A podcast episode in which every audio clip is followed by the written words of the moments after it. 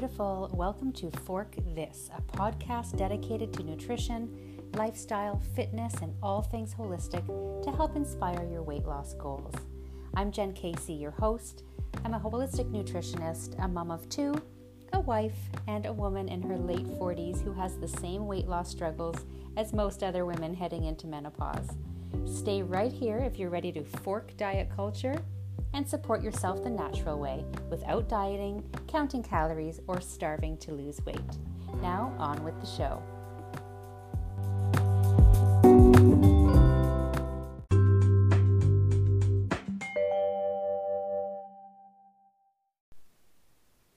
The topic of today's episode is What does gut health have to do with weight? A few highlights I'll be covering are how a compromised gut can hinder weight loss, symptoms of poor gut health, so what to look for, factors that disrupt your gut health, and what you can feed your gut for optimal health. So, I can tell you that scientists, researchers, naturopaths, and of course, holistic nutritionists like myself, we all know that disease begins in the gut.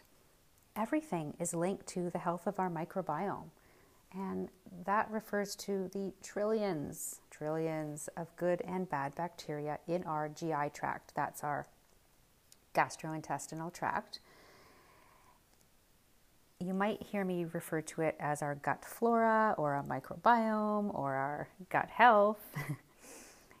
but it's linked to our metabolism as well. And this is the way we burn food for energy and how we store fat. So, the gut refers to the intestinal tract. It is a long tube from your mouth all the way down to your bottom. And it contains these trillions of bacteria and organisms that fight off pathogens. It houses our immune system, and it is where we digest our food and absorb its nutrients. It also influences our blood sugar regulation, which is a big piece of weight loss, and it produces our hunger hormones and it influences how we store fat. So you can imagine that if your gut bacteria is imbalanced, meaning it contains more of the bad bugs than the good bugs, then your metabolism will be slow and you will have a hard time losing weight here, when this happens, your food is not properly digested and it ferments, so you might feel bloating and gas and cramping after you eat. Also, the gut lining acts as our internal skin, just like the skin on our body protects us from the outside environment. The gut lining protects our insides. And some things can thin it out and compromise it or puncture holes in it and this can cause some major health issues. I will get into it more, but you have probably heard of leaky gut syndrome. Now, because the gut plays such a huge role in our health, some other key symptoms that you could experience if you're feeling like your gut is compromised or imbalanced are bloating. So, this means, as I just mentioned, that your food is not being digested properly. Constipation and diarrhea brain fog, memory issues and mood disorders, candida or yeast overgrowth, sugar cravings, insomnia or trouble sleeping, joint pain. I have many clients who have complained of joint pain after eating gluten containing grains. And as soon as they stopped, their joint pain was one of the first signs of healing skin issues, high cholesterol, thyroid issues. Now, those begin in the gut. Poor immune system, as I mentioned, most of our immune system lives in our gut. Food sensitivities and allergies, and weight gain or trouble losing weight. These are all symptoms of a compromised gut. Now, excess weight, let's just talk around talk a little bit about the visceral fat around the midsection or belly fat. This is a little bit different from the fat on other parts of our body. Now, the visceral fat is what we kind of have to deal with when we want to lose weight. If you have ever been on a weight loss journey and tried to break down specifically that belly fat, it can be kind of stubborn and difficult. Now, excess belly fat is a form of inflammation. This kind of visceral fat is packed around our organs and it also produces hormones. Studies show that this fat contains less strains of the good bacteria, and this bacteria influences our appetite and how we store fat. Interesting, right? So, you might be wondering well, how did my gut flora get imbalanced in the first place? So, first of all, we are actually born with a microbiome of multi strains of bacteria, which is what we want. We want as many strains as possible in there to fight off pathogens. And if you were breastfed as a baby and you were birthed vaginally, your microbiome actually had an even healthier start. Now, our gut contains bacteria that are both pathogenic and symbiotic, and we want both. We want both. We also want to maintain a balance of, say, like 80% good bacteria to 20% bad. And you'll experience some of the symptoms I just listed, which are considered forms of inflammation. And these can lead to disease if they're not addressed. So, here are some things that can wipe out our good bugs and feed our bad, therefore, leading to a total imbalance and inflammation. So, you know those bad oils that they use to fry things up in restaurants, like soybean oil and canola oil? Most restaurants cook with these because they're super cheap. But if you eat out often, then you're getting in these inflammatory oils a lot. So, no trouble with you know, dining out in restaurants, but maybe avoiding the fried foods as much as possible because you know that those deep fried foods are cooked in this cheap, cheap oil and it's probably old and dirty as well. So swap it out for if you're frying anything at home, olive oil, coconut oil, even butter or ghee are better options. Antibiotics totally wipe out the bad bacteria, as you know, but also wipes out the good. So when you take antibiotics, take a probiotic at the same time. I have only been to one doctor who recommended I take a probiotic with an antibiotic, which I thought was amazing. Processed foods, so GMOs, genetic, genetically modified, uh, are a doozy, as well as deli meats that have the additives in them, dyes, packaged foods, uh, trans fats in particular. These are all super inflammatory foods that feed the bad bugs in our gut. Sugar is a big one. So, if you have cravings, as I mentioned earlier, it's one of the symptoms of uh, having an imbalanced gut flora. Sugar feeds that bad bacteria. And if you are having sugar cravings, it is a sign that your microbiome is imbalanced. If you have had candida, uh, which is a yeast overgrowth, it is a serious condition that is difficult to clear, but possible, and it involves a very strict diet. Um, sugar feeds the bad bugs, and this includes the sugars that we get from um, refined carbohydrates like pastas and breads. They don't look like sugar when you eat them, but they break down into sugar quickly by the body and uh, therefore spikes our blood sugar and our insulin, and this can affect our gut health too. Um, this also includes artificial sweeteners, so please stay clear of those. I much prefer honey and maple syrup.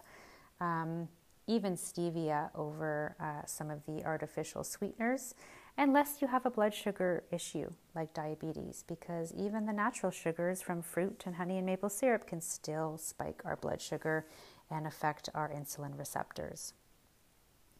Alcohol. So, this is maybe excessive alcohol. If you can avoid alcohol as much as possible, even better, but it actually thins the lining of our gut. Um, so, therefore, can create an imbalance as well. Some medications, like the birth control pill, uh, the NSAIDs, which are your non steroidal anti inflammatory drugs like ibuprofen and Advil, and some steroid drugs like your asthma puffers and allergy medications can also disrupt our microbiome. Of course, there's environmental factors like pollution in the, in the air, uh, smoke um, just from the environment or from smoking, pesticides in our food, uh, soil that is no longer rich in nutrients, especially magnesium, which is pretty much everywhere. Uh, we have depleted soil everywhere. Um, and even chemicals in our home. Like there's chemicals in carpets and paint and wallpaper. Um, uh, and of course, skincare products. There's chemicals in our skincare products that we slather on daily. You know, I think that there was a study I saw that mentioned that the average woman uses about 12 skincare products a day. I think it's way more than that. But if you consider that if you are slathering on the same products every day, so there's some chemicals, say fragrance, some preservatives, dyes, colors, things like that. If you're slathering on those same products every day, that's a lot of buildup because our skin is actually our, lar- our largest organ. So it's absorbing all that stuff, right? So, um, trying to limit some of those chemicals in our skin products is going to make a huge difference in our gut health, of course, but also in our hormonal health. So, excess caffeine. So, if you're drinking more than like two, three cups a day, that's considered excess, and that excess caffeine can disrupt our microbiome as well. Gluten containing grains, so especially the processed wheat, if you're celiac, of course, you need to completely avoid wheat, but you can be non celiac and have a gluten sensitivity. And gluten over time, if you eat a lot of it, can actually literally puncture holes in our intestinal lining, which causes food particles to escape and can lead to an autoimmune disease um, or reaction at first, but you know, over time it can lead to a disease. So, if you are suspecting that you have a compromised gut or microbiome, you might want to eliminate gluten for now because it can really um, affect more than just our, you know, the way our stomach feels, but it can affect our skin and our mood and our memory and and uh, and our immune system. Stress is a huge one, and this would include emotional stress. Even over exercising is a physical stress, financial stress, and work and relationship stress Maybe you're caring for uh, elderly parents at this stage of your life. If you've ever felt sick to your stomach when you're under stress, it's because your gut is considered your second brain, right? There's that brain gut connection. Or if you're worried or anxious about something, the first thing you do is probably hold on to your stomach and go, Oh, I'm worried about this, right? All of these, all of these things affect your microbiome. They also affect your metabolism. So, when your metabolism is slow, we store fat and we have more inflammation. So you might find, you know, if you're in your 40s and beyond, or even in your late 30s, you might find that your metabolism is slowing down a little bit more, or you're having trouble losing weight, or you're at like a weight loss plateau, or things seem like they've hit a stall. Look at your gut health. Now, our hormone balance, including you know hormones that we need for sleep and our mood and our appetite, and you know what the hormones that help us feel full, all of these hormones depend on our gut flora, our microbiome. Now, the good news is that we can modify our microbiome, right, through diet and lifestyle. The goal is to over, overpopulate our good bacteria and wipe out the bad. So I'm going to give you a list of ways that we can do that. But I want you to remember this line, this saying. You can't plant a healthy garden in a junkyard. So, what this means is you can certainly alter your microbiome, but you can't just go take a probiotic and eat a few healthy salads if you're still doing all the other things I just listed, right? So you have to first remove all of the factors in the list I just talked about and then replace with things like probiotics. So a probiotic is going to come in the form of a supplement. And what you want to look for is a multi strain. Remember, we were born with multi strains. The more, the better. So look for a multi strain probiotic. It'll say it right on the package. And then you want to look for the CFU count. Now, this is the colony forming units. This is the amount of bacteria that is in each of the capsules that you're going to populate your gut with. So, you also want to look for a probiotic that is either shelf stable, so you didn't buy it from the refrigerated section, or you did. If you get one that is shelf stable. It doesn't necessarily have to stay in the fridge after you open it, but if you did buy it in the refrigerated section, you must keep it in the fridge. So, one isn't necessarily better than the other, but just make sure that you're getting one that you can uh, either keep out or, or in the fridge. So, you know, take travel into consideration. You don't want to probably buy a refrigerated probiotic if you know that you're traveling, because that's going to be difficult to keep. So, a probiotic is going to reduce the number of bad bacteria and it's going to communicate with our immune cells and reduce inflammation by populating our good gut bacteria. So, super important. But, like I said, you can't plant a healthy garden in a junkyard. So you first have to remove all the other guys in order to make room for a great healthy terrain. You can also get your probiotics in through foods like sauerkraut and kimchi and plain probiotic yogurt, which sometimes has the live bacteria put right back in. Miso, fermented tea is kombucha. Also, things like cranberries and fish and fresh blueberries and flax. These are great um, probiotic foods. Now, prebiotics, you've probably heard of these. These are actually food for the probiotics because your good bacteria needs to eat too. And you can find your prebiotics in fiber rich foods from plants. So think things like fresh vegetables, fresh fruit, whole grains.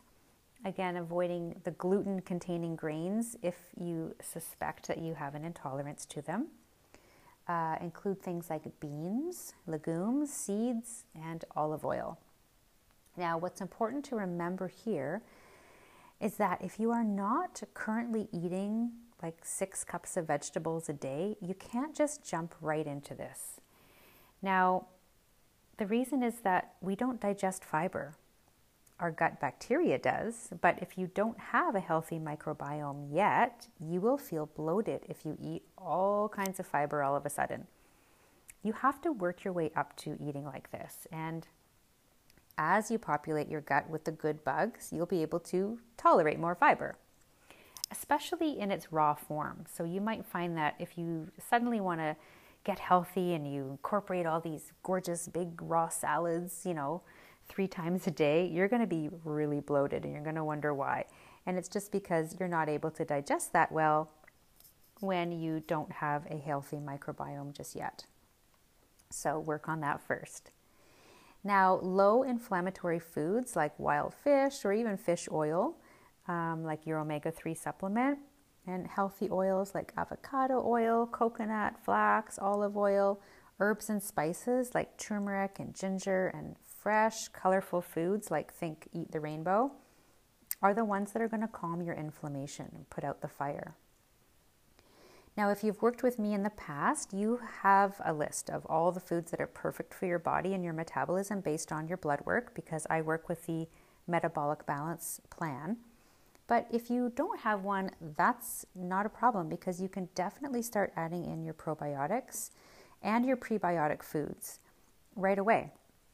Don't forget that you have to eliminate the pro inflammatory foods. So, anything you suspect from your diet that could be contributing to your inflammation including your joint pain and skin rashes and mood swings and poor sleep, all of that counts. So removing that first and then slowly start adding in your your uh, probiotics and your prebiotic foods. Up to about 25 to 30 grams of fiber a day is really a, a kind of all you need to, to stay healthy. But go slow. And if you're not used to eating all that fiber, just start with, say, three cups of vegetables a day and work your way up. You also might want to consider cooking or roasting those veggies and maybe don't start out with all the raw stuff at first because that can, uh, that can ferment if you don't have those enzymes just yet to digest it.